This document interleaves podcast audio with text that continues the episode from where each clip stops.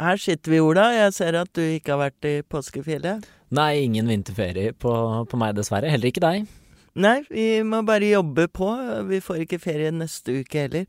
Så da lager vi i stedet en kjempebra podkast. Denne gangen skal vi til Midtens rike, Kina, som vi vet altfor lite om, og som er jo midt i nyhetsbildet stadig vekk. Eh, blant annet når det gjelder teknologi og slike ting. Ehm, så skal vi overraskende nok innom eh, Trøndelag. Hva er det som skjer i Trøndelag? Nei, nå er det jo Trond Giske igjen da, som skaper store kontroverser ved å, ved å søke tillitsverv på nytt, bare et år etter han ble kasta etter metoo-avsløringer. Og, og, der kommer det sjokkerende uttalelser som vi skal kaste terning på. I think it's a disgrace. Jeg syns det blir litt spesielt. At Dagbladet driver med Donald Duck-journalistikk, det kjenner vi alle til. Men dette holder ikke. Du snakker jo bare visvask av arbeidslivet. Helt useriøst. You are fake news. Go ahead.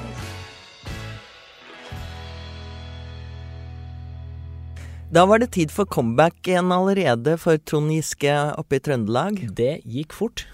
Bare et år, vet du. Og trønderne blir jo ofte beskyldt for å være litt treige, men her hadde de hastverk, så det gjaldt. Eh, jeg syns at vi skal snakke litt eh, om hva det betyr for Trond Giske og for Arbeiderpartiet fremover. Og da har vi kalt inn ekspertisen igjen. Eh, en som har fulgt ham eh, helt siden EU-kampen i 1994.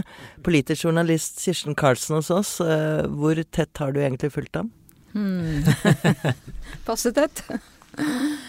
Nei, men, men altså, Han har vært en sentral politiker i Arbeiderpartiet og norsk politikk i mange år, så det er naturlig at jeg har fulgt han også. Og han er, har jo nesten alltid vært omstridt, vært eh, i begivenhetenes sentrum. Hver gang han har søkt makt, så har det vært mye strid. Det er ikke første gang han har blitt avvist som nestleder, og det i, i Arbeiderpartiet selv. Hva skyldes det at han er så omstridt? Hmm. Altså, han sa selv, han mener selv at EU-kampen har, har, har mye å si for det var en, en, veldig hard kamp i Arbeiderpartiet, de som sto på ja-sida de som sto på nei-sida. Han var en av lederne på nei-sida. Og han sa selv i et intervju i forbindelse med han, sin 50-årsdag at det at han ikke kom eh, raskere inn i sentralstyre og partiledelse, det var kakebua. Det var straffen han fikk for sitt standpunkt skal vi si, mot establishment i Arbeiderpartiet. Så det er én forklaring. Og så sa han selv også, når han ble faktisk valgt da, til nestleder i 2005, at han innrømma da at han, at han har vært Han har gått i krigen, han hadde vel det med seg da fra EU-kampen. Han har gått i krigen for å vinne, og, og ikke vært god nok på å søke kompromisser og ta, uh, finne samlende løsninger. Det men, kan jo være en, men så er det vel også til. Vært vært et problem som har kommet opp litt i, i kjølvannet av metoo. At det ikke bare var sextrakassering han ble beskyldt for, men at han også har vært ganske brutal i sin eh, fremferd av og til. Og at det har, eh, har skapt uh, mange som ikke liker ham i Arbeiderpartiet, har du inntrykk av at det er litt sånn splittet på det? Altså, jeg tror nok det var, det var delte meninger om, om eh, Trond Giske i Arbeiderpartiet før denne metoo-kampanjen. At noen likte han veldig godt, og noen likte han ikke. Og ville helst ikke ha han i sentrale roller. Eh, hva det helt består i, om det er politikk som han selv er opptatt av, eller at han, ikke, altså han har kjørt for fort fram og ikke søkt samarbeid, kompromisser. Det har han jo selv reflektert rundt. Det er vanskelig å si nå, men, eh, men, at han da ble jo enstemmig valgt som nestleder i 2015.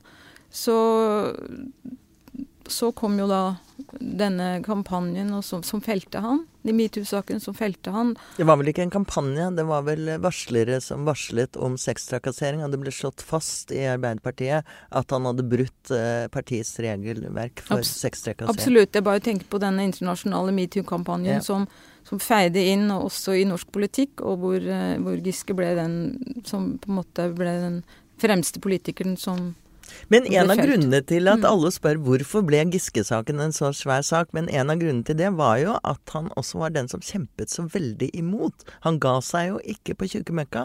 Han hadde, hadde en unnskyldning i Orkanger, som det nå heter, hvor han holdt en tale og nærmest ba om unnskyldning, sa han hadde oppført seg dårlig. Og så, omtrent på den samme tid, så sender han et brev til ledelsen hvor han ber om at saken hans skal tas opp igjen, og hvor han nærmest benekter at dette har skjedd. Så det virker ikke som denne unnskyldningen har vært så ektefølt. Jeg veit ikke. Det er jo det er en vurderingssak. Han har jo beklaga upassende oppførsel øh, på forskjellige måter. Om den beklagelsen er god nok, det er jo det som mye av debatten handler om nå. For det er jo det eh, blant annet eh, Namsos Ap-lederen der, Mm, mm. Sånn, en ordfører Namsos, en- har sagt at, eh, at eh, hun syns han er for splittende, og at han ikke har bedt skikkelig om unnskyldning. Men hva betyr egentlig det som har skjedd der oppe denne uken? Han var Altså, valgkomiteen ville først ha han som nestleder i eh, Trøndelag Ap. Eh, og, men det ble avvist. eh, eller det ble i hvert fall ikke støtte for det. Men nå er han vel innstilt som styremedlem og leder av AU-valget, og dermed kan få en plass til landsstyret i Ap. Altså, man kan se på både som en seier og som noen sier det som et nederlag. Eh, Trondheim Arbeiderparti eh, gikk inn for, til å få han som inn inn i arbeidsutvalget for Trøndelag eh, Arbeiderparti, altså som en del av 15 i styret, og primært som, som nestleder. Eh, så blir det, Da kan man se på det som en forhandling også, ikke sant. Eh, da er det gi og ta i valgkomiteen. Det skaper sterke reaksjoner. Det ender med, som man, det ender med at man da kommer til en samla løsning hvor han blir, får en eh, plass i arbeidsutvalget og i praksis eh, plass i landsstyret. Så for alle praktiske formål så kommer han inn i ledelsen av eh, Sør-Trøndelag. Så kan man se at han ble ikke nestleder, hvis det var det store målet. Men hva er endgame for Trond Giske her? Altså der Jeg ser for meg at han er ikke i politikken for å sitte i arbeidsutvalget i Trøndelag Arbeiderparti. At det er nå hans siste stopp og der hvor han skal pensjonere seg i politikken. Altså hvor, hvor høyt opp sikter han nå? Ja, Det er altså ikke godt å si. Jeg tror, eh, jeg tror han eh, vil være med og prege Arbeiderpartiet framover. Det har han jo sagt. Han vil, han vil stå på for Arbeiderpartiet. Men hvilke posisjoner han kan gjøre det fra, og hvor langt dette kan gå, det er veldig usikkert nå. Nå har han fått det første skal vi si, politiske vervet utover å være stortingsrepresentant. Eh, siden han gikk av fra alle sine verv. Og, og så vil det vise seg i Trøndelag om, han, om, om dette var en riktig tid, om han kan bygge opp den tilliten som han har brutt. Men det vil jo eh, være en stor seier, mener jeg, hvis han kommer så, får så høye verv allerede nå. Og det er nesten så du kan mistenke Kirsten, du skal få la ære å kommentere det, men jeg tror at han er så slu at han spilte ut den eh, nestlederrollen først, fordi han visste at alle skulle bli ramaskrik om den, og så syns folk at det var greit at han fikk det andre vervet, som var litt mindre. Men dette er jo ikke avgjort. Det er jo 14 dager til eller noe sånt hvor de skal eh, stemme over dette her Mm. årsmøtet. Ja. Og det kan jo hende fortsatt at han møter motstand. Det kan hende at det blir debatt. Nå er det jo en enstemmig innstilling som, eh, hvor det er gitt eh, som ifølge Asphjell skapt en slags balanse mellom ulike interesser nord og sør, og også ulike syn på Trond Giske. og Sånn at den innstillingen er jo gjenstemmig. Det i seg selv kan jo tyde på at det kan gå igjennom, men at det kan bli debatt. Og det kan komme innspill i på årsmøtet. Det må man nesten regne med, tror jeg. Tusen takk, Kirsten. Eh, Vi får aldri nok av Giske, så Ola, du og jeg skal komme tilbake til, til det som skjedde oppe i Trøndelag denne uka senere i podden. Det skal vi.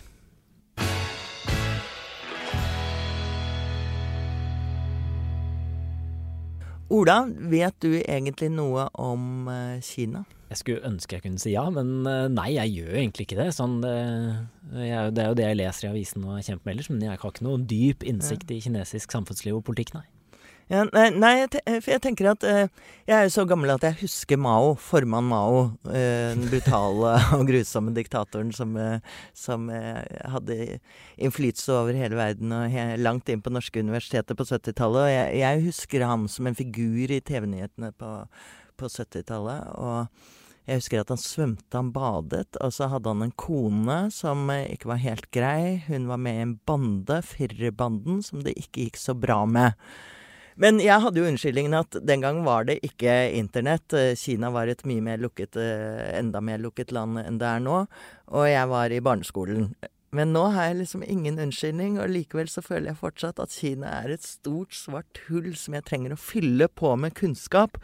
Og da gjør vi som alltid i podden, at vi henter inn det ypperste av ekspertise på området.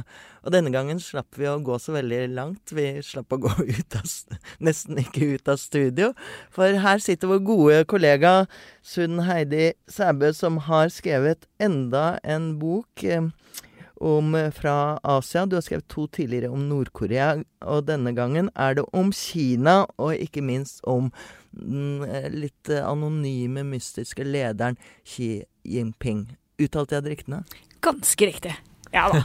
Det går fint, det. Men gratulerer, fantastisk bok. Jeg kan trille terningkast seks. Den kommer, kommer ut denne uken. Er du fornøyd? Um, ja, det er jo alltid litt sånn blanda følelser akkurat når den kommer ut, for du er så engstelig for om du kom, om du har gjort feil. Men hvis jeg liksom klarer å heve blikket liksom opp fra den følelsen, så, så er jeg ganske fornøyd. Jeg syns i hvert fall det har vært veldig lærerikt sjøl.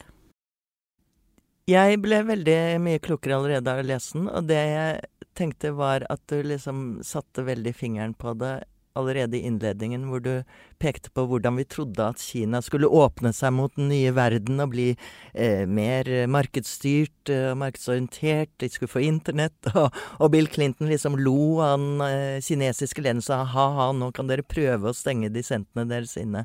Men slik gikk det ikke helt. Det gikk overhodet ikke sånn, og det var en sånn optimisme som rådde over hele verden. Eh, den var jo også i Norge. Den, når jeg snakket med kilder i Utenriksdepartementet og diplomaten, så snakker jo også de om denne Kina-euforien som vi alle var inne i. Og vi da trodde at uh, en mer integrert økonomi um, og internett skulle liksom frariste kommunistpartiet den sosiale kontrollen over borgerne.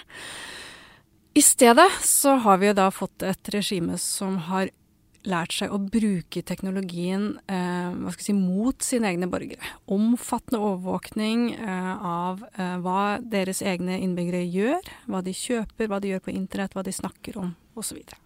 Norge fikk jo erfare det i forbindelse med Lou Chabot, som du skriver om, som jo fikk eh, Nobels fredspris, og førte til at eh, Norge ble satt i den såkalte fryseboksen i seks år. Eh, men det var, det var, vel eh, en slags markering av at eh, utlendinger skal holde seg unna Kina. Norge ble på alle mulige måter et eksempel for Kina.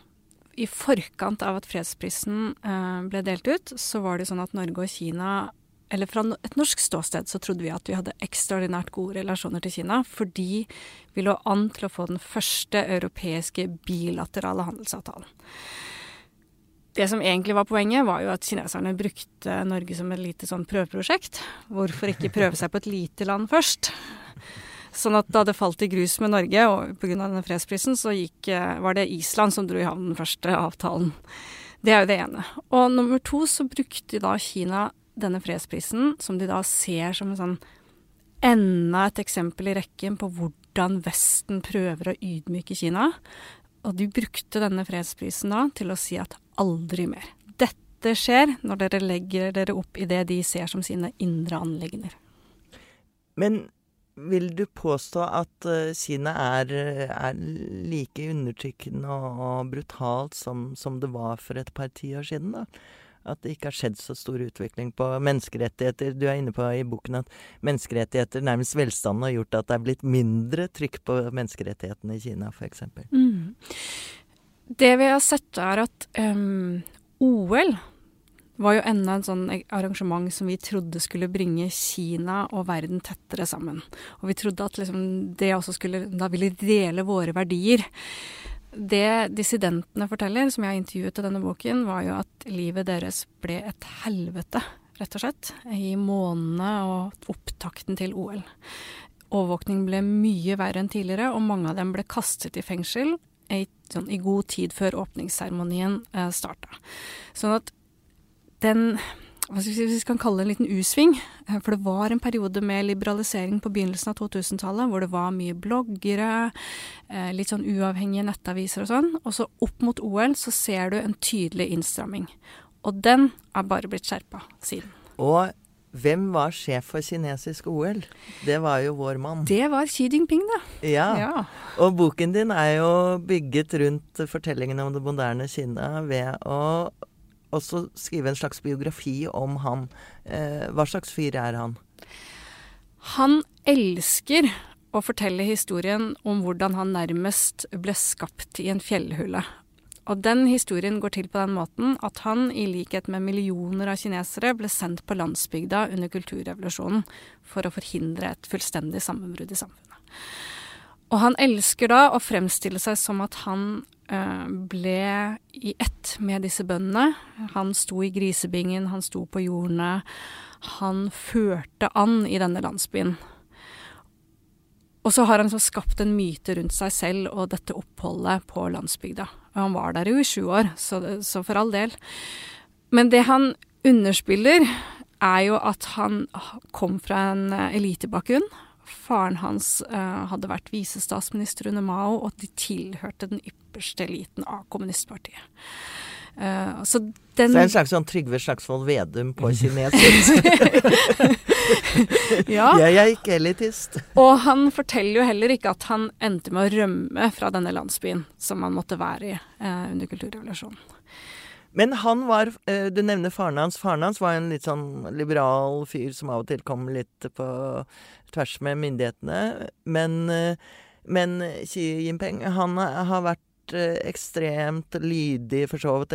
Og jeg- ser for meg at han er ganske slu og smart. En strateg som har, har hatt dette målet hele veien. Og bygget det steg for steg. Ja, det veldig spesiell med Xi Jinping er at det er veldig få som egentlig kjenner han. Altså propagandaen, eh, og la meg si at den har blitt veldig trappet opp i Kina i det siste. Han er på avisforsidene hver eneste dag, eh, noen ganger med 13 saker. Eh, men propagandaen er trappet veldig opp. Men det er veldig få, i det mylderet av historier, så er det veldig få som kjenner han. Altså det Det å finne disse barndomskameratene eller nære familiemedlemmer eller noen som kan fortelle hvordan han egentlig er, uhyre vanskelig å finne. Det finnes én i Wikileaks-dokumentene som forteller om en uh, ung Xi Jinping som allerede etter kulturrevolusjonen der hvor de da bare endelig tørsta etter å lese annen litteratur, musikk, få litt andre impulser, så gikk han tilbake til marxismen. Han, leste, han ble rødere enn rød, sier han, denne kilden. Men, men kan du si kanskje at han er en ny Mao? Han Mao var jo syk på slutten. Og æraen under Mao var jo en tid for uh, hjernevaskelse og store propagandakampanjer. Xi Jinpings måte å påvirke sin egen befolkning virker mye mer eh, kalibrert og sofistikert. Uh, sånn at jeg tror ikke nødvendigvis man får se disse kampanjene igjen, men han tar jo da i bruk uh, veldig avansert teknologi. Eh, og han, det skal jo sies rett og slett også at han kopierer mange av virkemidlene til Mao. Og blant annet da med å ha seg selv på forsiden hele tiden av avisene. Det det er alltid et dårlig tegn med sånne eh, tyranner som, eh, som liker store bilder av seg selv. Eh, men akkurat i disse dager så har vi fått vite at eh, han, eh, det er på trappene en ny handelsavtale mellom Kina og USA. Der har det jo vært eh, litt isfront. De har hatt en våpenhvile, men, men denne våpenhvilen går ut 1.3. Og nå ser det ut som de endelig får en ny handelsavtale, da. Og det det har handlet om, som vi her i Norge også har hørt mye om, er bl.a. dette eh, TV-selskapet Huawei. Er det riktig sagt? Jeg, jeg skal ikke prøve meg på kinesisk, men Huawei er vi enige om. eh, Det sier jeg, meg Hedmark, ja. jeg sitter her med to hedmarkinger, faktisk, så da kan vi si Huawei. Da får vi gjennomslag for den måten å si det på. Men, men her er det altså snakk om at uh, eh, PST, norske PST, advarte nylig mot uh, å la de få en, uh, være med på utbyggingen av 5G-nettet. Eh, amerikansk etterretning eh, advarer på det sterkeste. Eh, og eh, mens britisk etterretning har sagt at dette lar seg håndtere. Hva tror du ligger bak alle disse vurderingene? Jeg tror på den ene siden at det ligger et betydelig amerikansk press. Eh, det er ingen tvil om at amerikanerne hele veien har vært skeptiske til å la Huawei få et innpass uh, på det amerikanske markedet. Uh, og fjor, det året som gikk, var jo også året da Huawei gikk forbi Apple i salget av smarttelefoner. Sånn, jeg, jeg tror ikke vi skal underspille at det er et element. Men så kom man til det som da er, gir grunn til bekymring, og det er jo de tette båndene mellom det som går for å være kinesiske private selskaper og kommunistpartiet. Um, fordi at det er kommet en ny etterretningslov som faktisk påbyr selskaper og privatpersoner selvfølgelig å samarbeide med etterretningen. Ja, de la til en paragraf sju som sier at man må eh, eh, samarbeide med statlig etterretning. Og så la de til en paragraf 14 som også sier at eh, statlig etterretning kan kreve samarbeid. Sånn at det ikke er noe tvil, da, for å si det sånn. Men um, hvis man skal være litt sånn ærlig, så er det sånn at Xi Jinping hadde jo ikke trengt å revidere etterretningsloven. Han kunne jo bare gjort som han ville. Og det som man ser med disse selskapene, er jo at det er et veldig sånn tett samrøre mellom kommunistpartiets interesser. For det er jo de som er oppdragsgiver i Kina, det er jo ingen andre. Um, og vi ser det jo Jeg bruker ofte et eksempel Uh, som jeg også har i boka, på uh, den nokså ukjente bilprodusenten Geely. Et lite firma som slo seg opp i Zhejiang-provinsen, uh, der hvor Xi Jinping var partisekretær tidlig på 2000-tallet. Helt ukjent firma.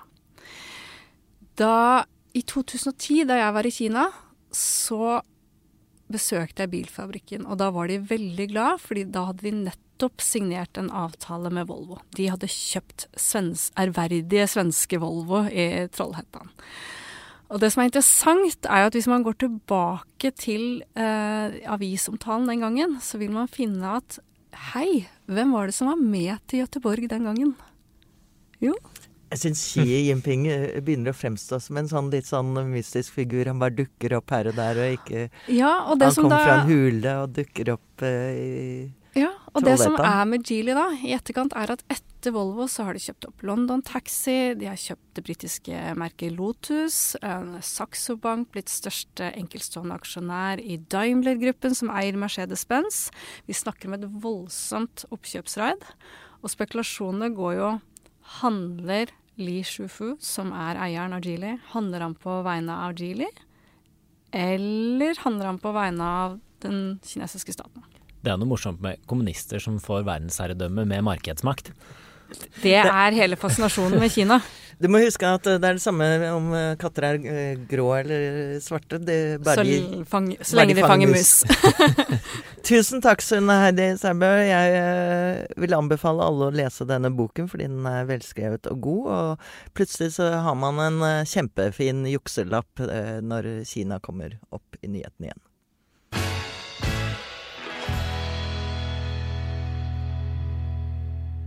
Da er vi over på del to av uh, Trond Giske-omtalen i denne podkasten. Vi blir liksom ikke helt ferdig med han, uh, Marie?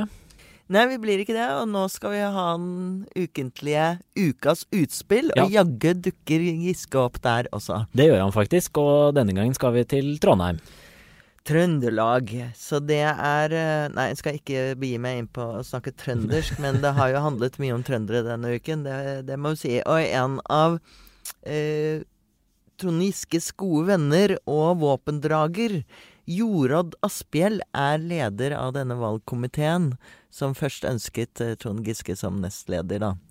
Og, så... og han ble jo spurt, og det vakte jo ramaskrik, så han ble, han ble plutselig Han er en litt sånn forsiktig backbencher på Stortinget. Uh, ble kastet ut i rampelyset og intervjuet i alle kanaler, så det gikk en kule, kule varmt der. Tror jeg kanskje, men da uttalte han Var det noen som sa at Eh, kunne det tenkes at eh, det var ting som heftet ved Giskes kandidatur? Og da utbredt uh, Jorad Det er ingenting som diskvalifiserer Trond. Tvert imot. Tvert imot. Tvert imot. Og det var jo Altså, Arbeiderpartiets ledelse, dette granskingsutvalget etter metoo, de fant i hvert fall fem grunner eh, som diskvalifiserte Trond Giske. Eh, så det var uh... Så ikke bare hefter ikke det lenger ved han, men han er blitt en bedre kandidat da, hvis det er tvert imot? Ja, det er faktisk motsatt, sånn at han er blitt enda bedre av å sextrakassere litt. Grann. Eh, skal vi tro at det kanskje har gitt han en dypere innsikt? Nå tolker vi jo sikkert nå valgkamp, eh, valgkomitélederen med veldig strenge briller, men ja. Vi, vi gjør det. Men det var jo en helt håpløs uttalelse. Det, det, var det, og det viser jo igjen litt det der hvor lite alvor de tar det på. De sier liksom for skams skyld at ja, det var noen uheldige episoder i denne med sextrakassering, metoo, og det var visst en jente oppe i Tromsø som sluttet i politikken pga. Trond Giske og sånn, men, men ja, han er jo så som, kvalifisert. De tar jo uh, metoo-kampanjen på altfor lite alvor, men så tar de jo det å få Trond Giske tilbake i sentrale verv veldig på alvor. Det er godt sagt. Det er, det er faktisk eh, enda viktigere å få han opp og frem, og da kan man fort eh, glemme hva som faktisk ligger i kjølvannet av ham. Jeg tenker litt sånn at eh, Trond Giske i Trondheim har en veldig stor standing og nærmest en sånn mytisk posisjon. Og da er det jo sånn at en annen kjent trønder, da, Olav Haraldsson, han var jo et det tok bare et år etter at han falt på stikkelse at, eh, at han ble eh, utnevnt i helgen. Så Trond Giske tenker nok at han skal ikke være dårligere enn det. Nei, altså nå blir det jo spennende. Vi var jo innom det også i samtalen tidligere på den her, om hva er, liksom, hva er veien videre for Trond nå. Dette jo et, kan jo være det første springbrettet til enten å få sentrale verv i Trondheim, kanskje blir han ordfører, kanskje blir han fylkesordfører, kommer seg tilbake i, i landsstyret, kanskje i sentralstyret. Kanskje gønneren helt i toppen igjen også, hvem vet. Han får, får, en stor plattform, men eh, jeg er ikke så sikker på det likevel. Altså, det er en stund til de skal stemme over dette her. Jeg tror han kommer til å møte eh, stor motstand. Eh, det er jo folk som har gjort seg bort i politikken tidligere, og som har prøvd å komme tilbake, og da har aldri vært litt uh, helt heldig. Jeg kan faktisk ikke tenke på noen som har uh, vært borti noe lignende og kommet tilbake på topp, og det vil alltid liksom henge og hefte ved ham. Og han begynner jo å bli en voksen mann nå, han er nesten like gammel som meg. Men eh, støttespilleren hans vil jo også si at ja, han er ingen vanlig mann og vanlig politiker. Han er jo en helt eh, ekstraordinær, nødvendig politiker. Og de begrunner jo også noe av eh, hvorfor skal man ha han tilbake nå, hvorfor skal man dytte han opp og frem igjen, med at han har stor arbeidskapasitet, han, har, eh, han kjenner politikken godt, han er en dyktig debattant, han eh, kan drive valgkamp osv. Det er alle disse tingene som nuller ut sextrakassering og overgrep. Tilsynelatende. Altså Harvey Weinstein var jo også veldig flink til å produsere film. men, til slutt gikk det galt for ham òg. Men uh, det jeg lurer på av og til når de uh, omtaler Giske, så er det jo klart han er en uh, på mange måter en begavelse som politiker, og er jo en veldig sterk debattant, ikke minst. Men de fremstiller det jo som om dette store partiet, Norges største parti, at de knapt har noen annen, og at uh, det er ingen som kan erstatte Giske. Nei, det gror jo veldig dårlig, da. I hvert fall hvis det ikke er noen som kan gå inn og prøve å, prøve å erstatte ham på sikt. Eller i hvert fall burde de kanskje tenke på da, å skulle finne en erstatter. Ja, i stedet for å, å bla om bunken. Så jeg eh, tror ikke han får disse vervene før jeg ser det. Men uh, trøndere er, etter å ha hørt uh, enkelte av trønderne der denne uken, så uh, virker det jo som om, uh, som om de er trones til litt av hvert. Absolutt. Uh, men vi skal jo også trille terningkast nå på denne her. Kan ikke du bare gi oss uttalelsen en gang til? Ja. det er ingenting som diskvalifiserer Trond. Tvert imot. Og det gir da terningkast, Marie? Jeg, jeg vurderte én, men, men, jeg syns ikke at uh, lederen av valgkomiteen for, bør fortsette å være så enøyd som han gir uttrykk for her, så jeg ga han to. Veldig bra. Veldig bra. Det tror jeg var det vi hadde og det for var, det denne var uka her. slutten på ukas uh, podkast. Uh, mangfold i denne også. Gå inn som vanlig og rate oss og gi oss terningkast fem. Lik oss på Facebook. Fortell ja. vennene dine om det. I det hele tatt. Inviter alle vennene dine inn på Facebook til oss. Da får dere ha en strålende helg. Eh, god helg til eh, bergensere og vestlendinger som skal ut i vinterferie. Og, og god bedring til trøndere. God bedring til trøndere.